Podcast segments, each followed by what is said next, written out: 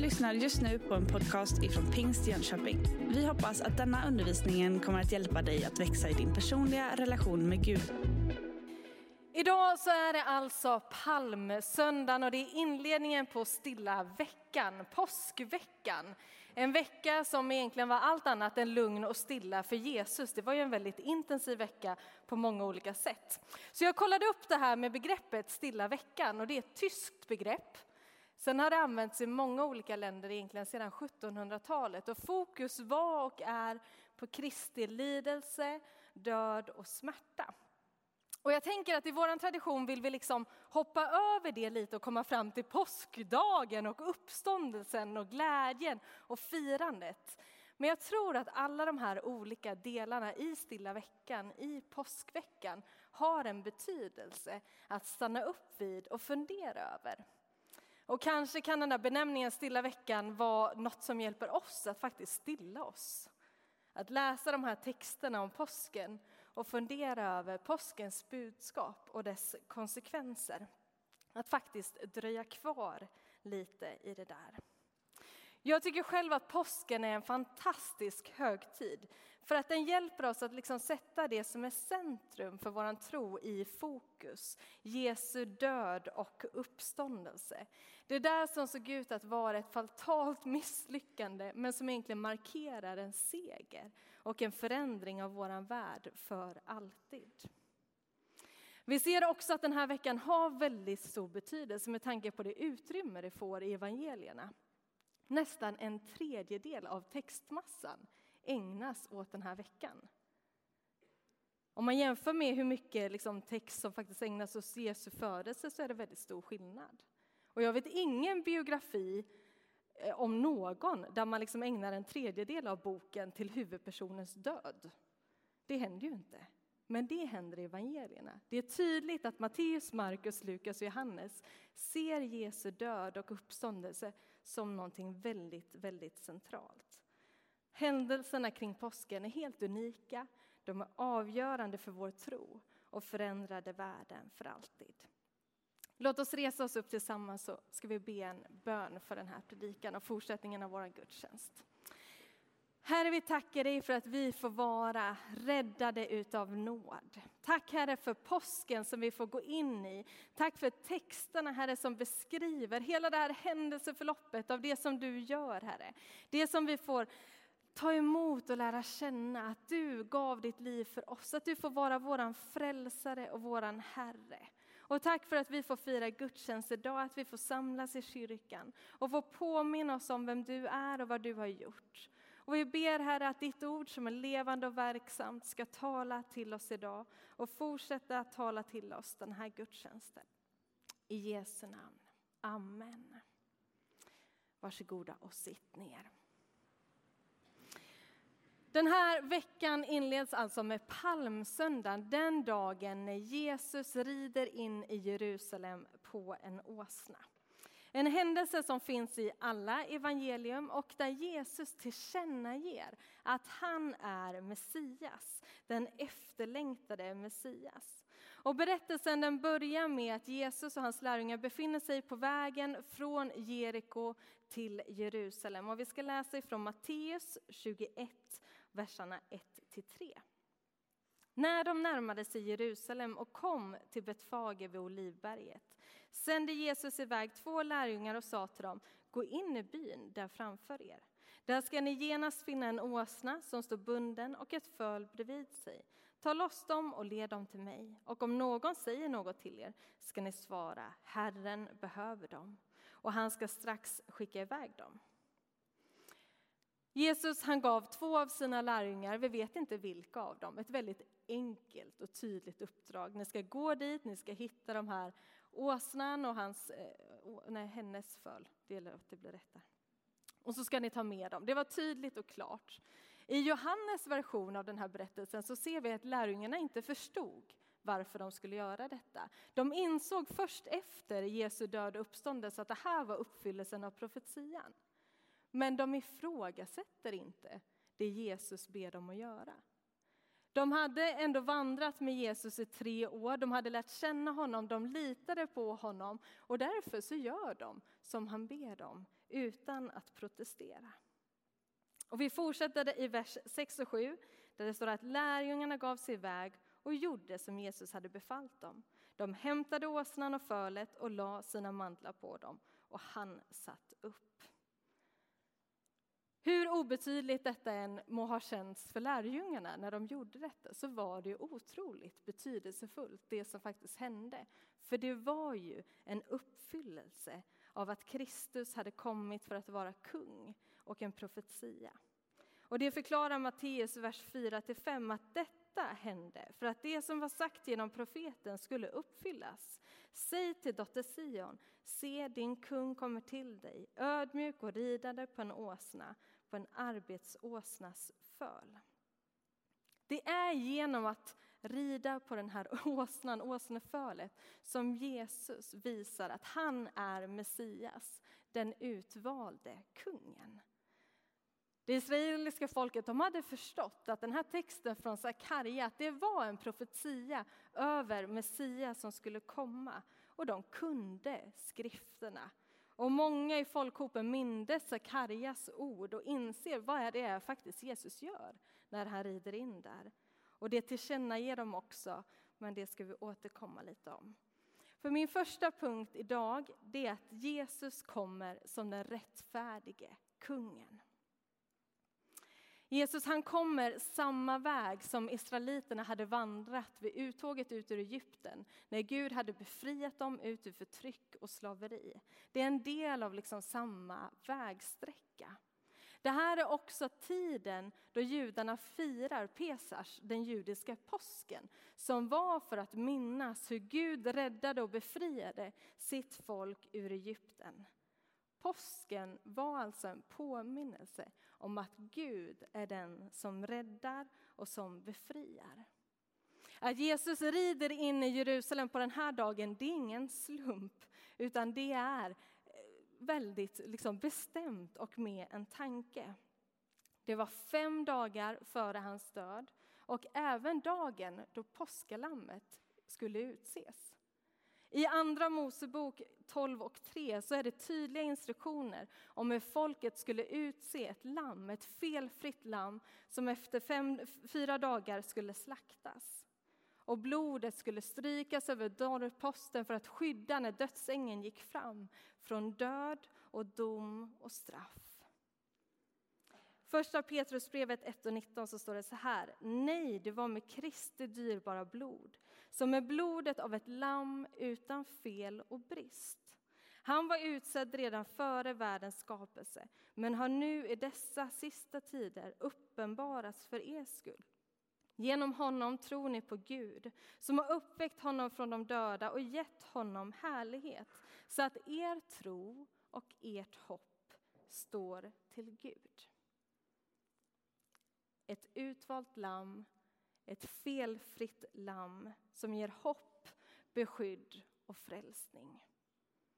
Dagen när Jesus rider in i Jerusalem, det var dagen när lammet skulle utses. Jesus var och är den rättfärdige kungen. Och folket de inser vem han är och de hyllar honom. Och vi ska igen läsa från 21, Matteus 21 och verserna 8 till 11. Den stora folkmassan bredde ut sina mantlar på vägen. Andra skar kvistar från träden och strödde på vägen. Och folket, både de som gick före honom och de som följde efter, ropade Hosianna, Davids son, välsignade han som kommer i Herrens namn. Hosianna i höjden. När han drog in i Jerusalem kom hela folket i rörelse, hela staden i rörelse och man frågade, vem är han? Folket svarade, det är profeten Jesus från Nasaret i Galileen. Folket de inser att det är han och hela staden kommer i rörelse. Det händer någonting. Tidpunkten när Jesus rider in i Jerusalem så var det ovanligt mycket folk i Jerusalem. Pilgrimer hade kommit för att fira den judiska påsken och man tror att det kan ha varit uppemot tre miljoner människor i Jerusalem vid den här tidpunkten. Och troligtvis var det många av de här som kände till Jesus. De kanske hade mött honom någonstans där han hade varit, hört honom undervisa, sett honom utföra under eller liksom hört rykten om honom. För många kanske han inte var helt okänd. Men folket de tar liksom manteln från sin klädnad, de lägger ner på marken och formar som en matta för kungen att rida fram på. De skär ner de här palmkvistarna som symboliserar seger och de hyllar honom som kung. Och hela det här beteendet påminns just om hur man hyllade en kung. Och vi ska läsa ett exempel från Andra Kungaboken 9, där Jehu ska bli kung. Då står det så här, så säger Herren, jag har smort dig till kung över Israel. Då tog var och en av dem genast sin mantel och lade den under honom på trappan. De blåste i hornet och ropade, Jehu är kung. Det är samma mönster av att hylla en kung. Men när Jesus rider in, då ropar folket Hosianna, Davids son. Hosianna då, det är den grekiska översättningen av det hebreiska ordet som översätts Gud, rädda oss.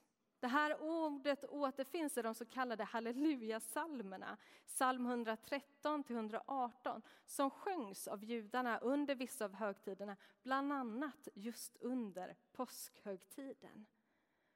Ordet Hosianna var, som Anna-Kajsa var inne på, ursprungligen ett bönerop om Guds hjälp och ingripande och räddning, men blev också med tiden ett uttryck för tillbedjan. Därför var ju det här ett ord och ett uttryck som israeliterna kände till. Och nu används det för att bekänna att Jesus är Messias, den som räddar. Även om de kanske inte fullt ut förstod hans räddningsplan och alla de händelser som skulle ske i dagarna som kom, så ber de att Jesus ska rädda dem. Och de välkomnar honom som segraren. Matteus han återger också att de ropar välsignade han som kommer i Herrens namn. Och det är hämtat från samma psalm, psalm 118 och används också i messiansk betydelse av att han kommer i Herrens namn. Han kommer sänd av Gud, räddaren och frälsaren. Och folket hyllar honom. De la ner sina mantlar inför honom och hyllar honom. Och jag tänker att vi är liksom samma riktning. Vi får lägga ner våra hjärtan inför honom. Vi får erkänna hans suveränitet och hans majestät genom att lägga våra hjärtan och våra liv inför honom. Att överlåta oss, att ödmjuka oss och tillbe honom för den han är, den rättfärdige kungen. Min andra punkt är att han är fridens kung. Messias han kom inte för att bli räddad, utan för att rädda. Hela anledningen till att han kom till jorden var att mänskligheten behövde räddas. De behövde en frälsare. Men han kom inte alltid på det sättet som folk förväntade sig eller tänkte att han skulle komma.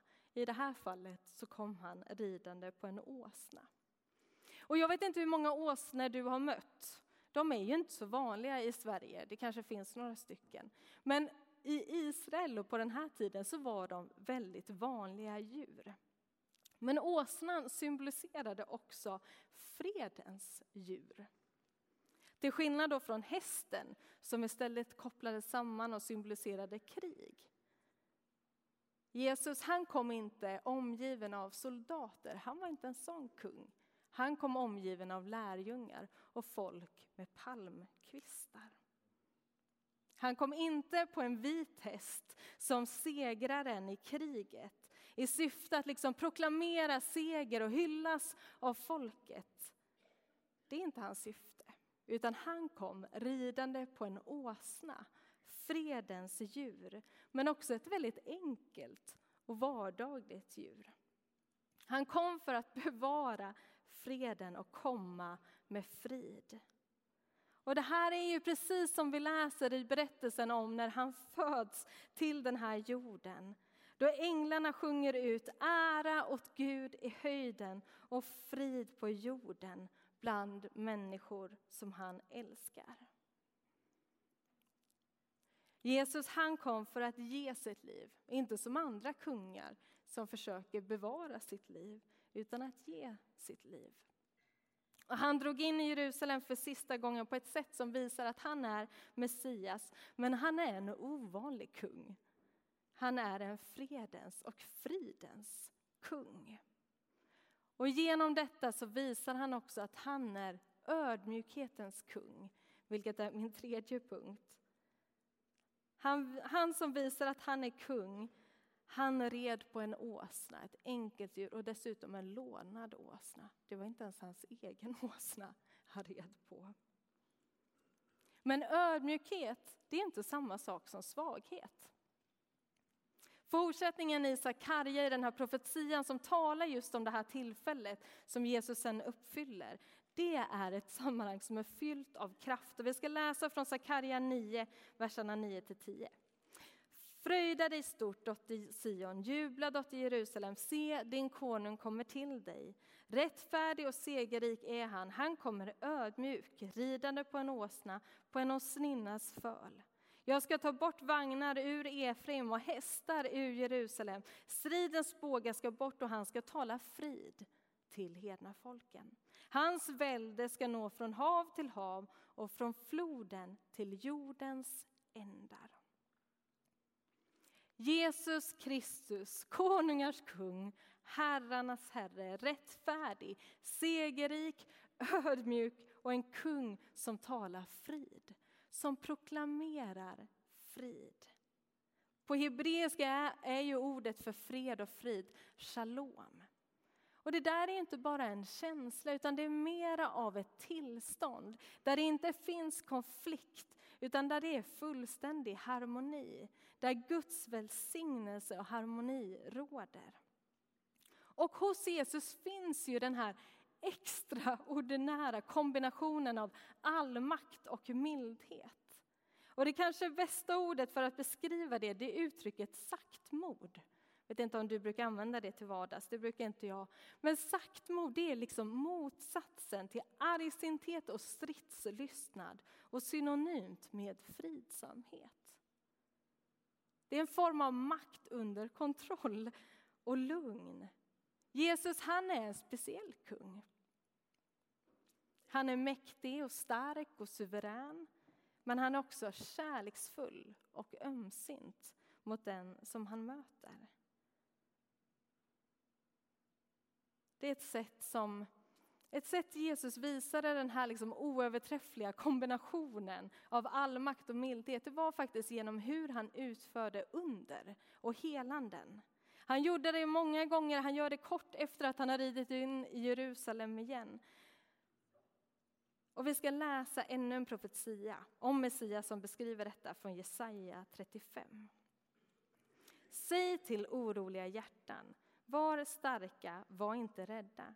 Se, er Gud är här. Han kommer med hämnd, med vedergällning från Gud. Han kommer själv och frälser er. Då ska de blindas ögon öppnas och de dövas öron upplåtas. De mirakel som Jesus utförde de var också en bekräftelse av att han var Messias. När Johannes döparen sitter fängslad så börjar han att tvivla och han börjar fundera, är verkligen Jesus den som skulle komma?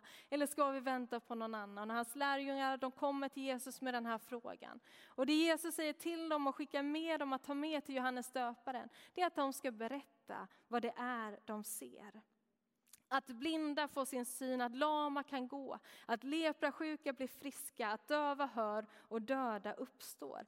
Det skulle vara tillräckligt för Johannes att förstå att han är den som skriften har talat om. Han är den som är Messias. Mirakel kräver ju liksom en övernaturlig kraft och de visar vem Jesus är. Men han utför alltid mirakel med en sån omsorg och kärlek. Det är aldrig för att han ska få uppståndelse, beundran eller göra någonting häftigt. Det är inte helandets och miraklernas funktion överhuvudtaget. Vi läser till exempel om den lepresjuke som Matteus möter i Matteus 8. Han helar inte bara den här mannen utan han rör också vid honom. En leprasjuk fick man inte komma i närheten av, de levde utstötta. Men det Jesus gör är att han gör honom frisk, men han rör också vid honom. Det är kärleksfullt, det är ömsint, det är milt och det är omsorg om personen. När Jesus några dagar efter palmsöndagen tillfångatag så är det en som bryter sig ut och hugger av örat på en person. Även den personen helar Jesus. Han sätter tillbaka örat och gör honom frisk. Även på natten när han blir tillfångatagen. Han utför helanden med en väldig auktoritet. Det är ingen tveksamhet kring det. Men det är med så otroligt stor kärlek och saktmod. Han var på ett sånt sätt så att till och med föräldrar ville komma med sina småbarn för att de skulle röra vid, vid dem. Och jag tänker att det är med samma fortsatta nåd och kärlek som Jesus hjälper alla som kommer till honom i tro, även idag. Hans kungadöme behandlar inte människor illa, utan istället så regerar han med mjuk styrka som ger helande och helhet. När vi går fel så kan den milde Jesus korrigera och leda oss rätt. När vi misslyckas och när vi kämpar så kan han resa oss upp och han kan uppmuntra oss. När vi är nedslagna, då torkar han våra tårar. Vår rättmätige, segerrike kung har både makten att hjälpa och godheten att hela oss. Och det finns ingen som Jesus. Det finns ingen som han. Och det är inte konstigt att folket börjar undra, vem är han egentligen? Vi läser igen från Matteus 21 och vers 10-11. När han drog in i Jerusalem kom hela staden i rörelse och man frågade, vem är han? Folket svarade, det är profeten Jesus från Nasaret i Galileen. Det blir uppståndelse i staden och man frågar varandra, vem är han? Vem är den här mannen? Och den där frågan hade ju lärjungarna ställts vid flera tillfällen förut. Som i Matteus 8.27 när Jesus stillar stormen och vi läser att männen häpnade och sa, vem är han? Till och med vindarna och sjön lyder ju honom. Eller när en kvinna smorde Jesu fötter i Lukas 7. Då började de andra bordsgästerna fråga sig, vem är han som till och med förlåter synder? Vem är han? Jesus han var annorlunda och det väckte frågor. Och det är tydligt genom hela evangelierna att han agerar inte alltid som människorna föreställde sig att han skulle göra. Han mötte dem som ingen ville ha att göra med med kärlek och han korrigerade dem som trodde att de var för mer än andra. Jesus han är helt unik. Och det är som Walter Wink uttryckte det, att om Jesus inte hade funnits så skulle vi aldrig ha kunnat uppfinna honom. Det går liksom inte att hitta på Jesus. Han är helt unik. Vem är han som jag får komma till sådan som jag är? Han som möter mig med kärlek, nåd och barmhärtighet. Han som fyller mig med helig ande. Han som ger mig hopp och frid. Han som vägleder, tröstar och bär. Det finns ingen som Jesus. Och folket i, på palmsöndagen, de säger att han är en profet. De hade insett att det var något annorlunda med honom, men de hade fullt ut inte sett kanske fullt ut vem han var, förstått att han var Messias, Guds son, världens frälsare. Några hade ju gjort det och bekänt, som Petrus och Marta, kanske fler. Men det var också höga risker med den bekännelsen. Men en del profettexter talar också om Messias just som profet. Han är den rättfärdige kungen. Han är fridens kung och ödmjukhetens kung. Och om vi tjänar och följer en sån kung så borde vi tjäna honom med samma mildhet och samma godhet och ödmjukhet som han visar. Och mildhet är ju en av Andens frukt från Galatierbrevet 5. Och jag tänker att våra liv bör reflektera Jesu mildhet och godhet. Men tyvärr kan vi kristna ibland bli hårda i våra bedömningar. Vi kan bli vassa i våra åsikter och okänsliga i vårt bemötande av andra människor. Men låt oss istället vara sådana som tjänar kungen som kommer ridande på en åsna och inte på en hög häst. Som det står i Filipperbrevet 4 och 5, låt alla människor se hur vänliga ni är. Herren är nära. Och visst gör det skillnad att möta Jesus. Livet kan bli helt förvandlat och förändrat. För några veckor sedan så var jag i Etiopien och träffade en man som kommer ifrån och bor i ett område där det är vanligt att odla mycket chatt. Och han hade för många år sedan en väldigt stor chattodling själv. Men så mötte han Jesus och så blev han frälst. Och han berättar hur det där drev honom att sätta eld på hela sin odling och bränna upp all chatt. Och folk i den här byn och staden de blev så upprörda på det han gjorde, för det var ju massa pengar som gick förlorade. Så de satte honom till och med i fängelse. Fast det var hans egen odling han hade bränt upp. Men det provocerade något. Men du vet när jag sitter med den här mannen och man ser liksom i ögonen hur tacksam han är över att han har mött Jesus. Men du vet, det gör någonting med oss. Det förändrar oss och förvandlar oss. Och det där kan leda också till val som i mänskliga ögon kanske tycks konstiga eller märkliga.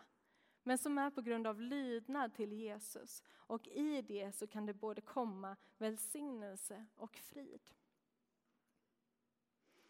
Vittnesbörden om hur Jesus möter och förändrar och förvandlar, de är många.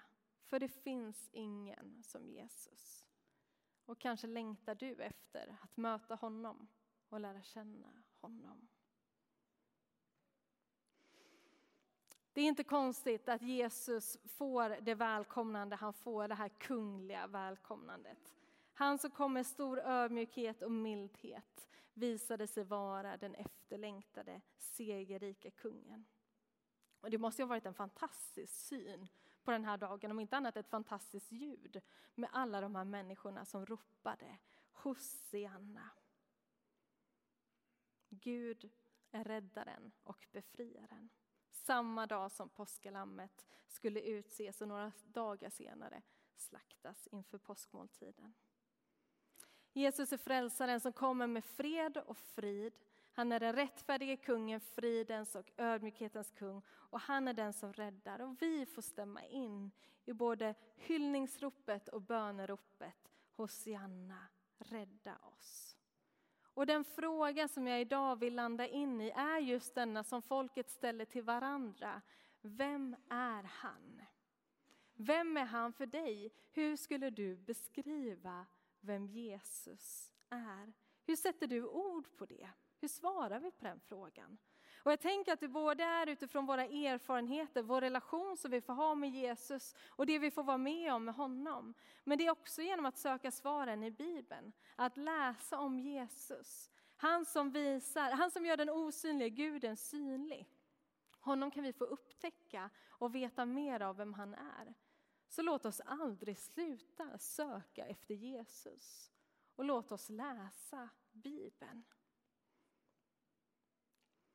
Hosianna, Gud rädda oss. Idag kan det få vara vår bekännelse, men det kan också vara vår bön och rop om ingripande. Du har just lyssnat på en podcast ifrån Pingst Jönköping. För att få reda på mer om vilka vi är och vad som händer i vår kyrka så kan du gå in på pingstjonkoping.se eller följa oss på sociala medier via pingstjkpg.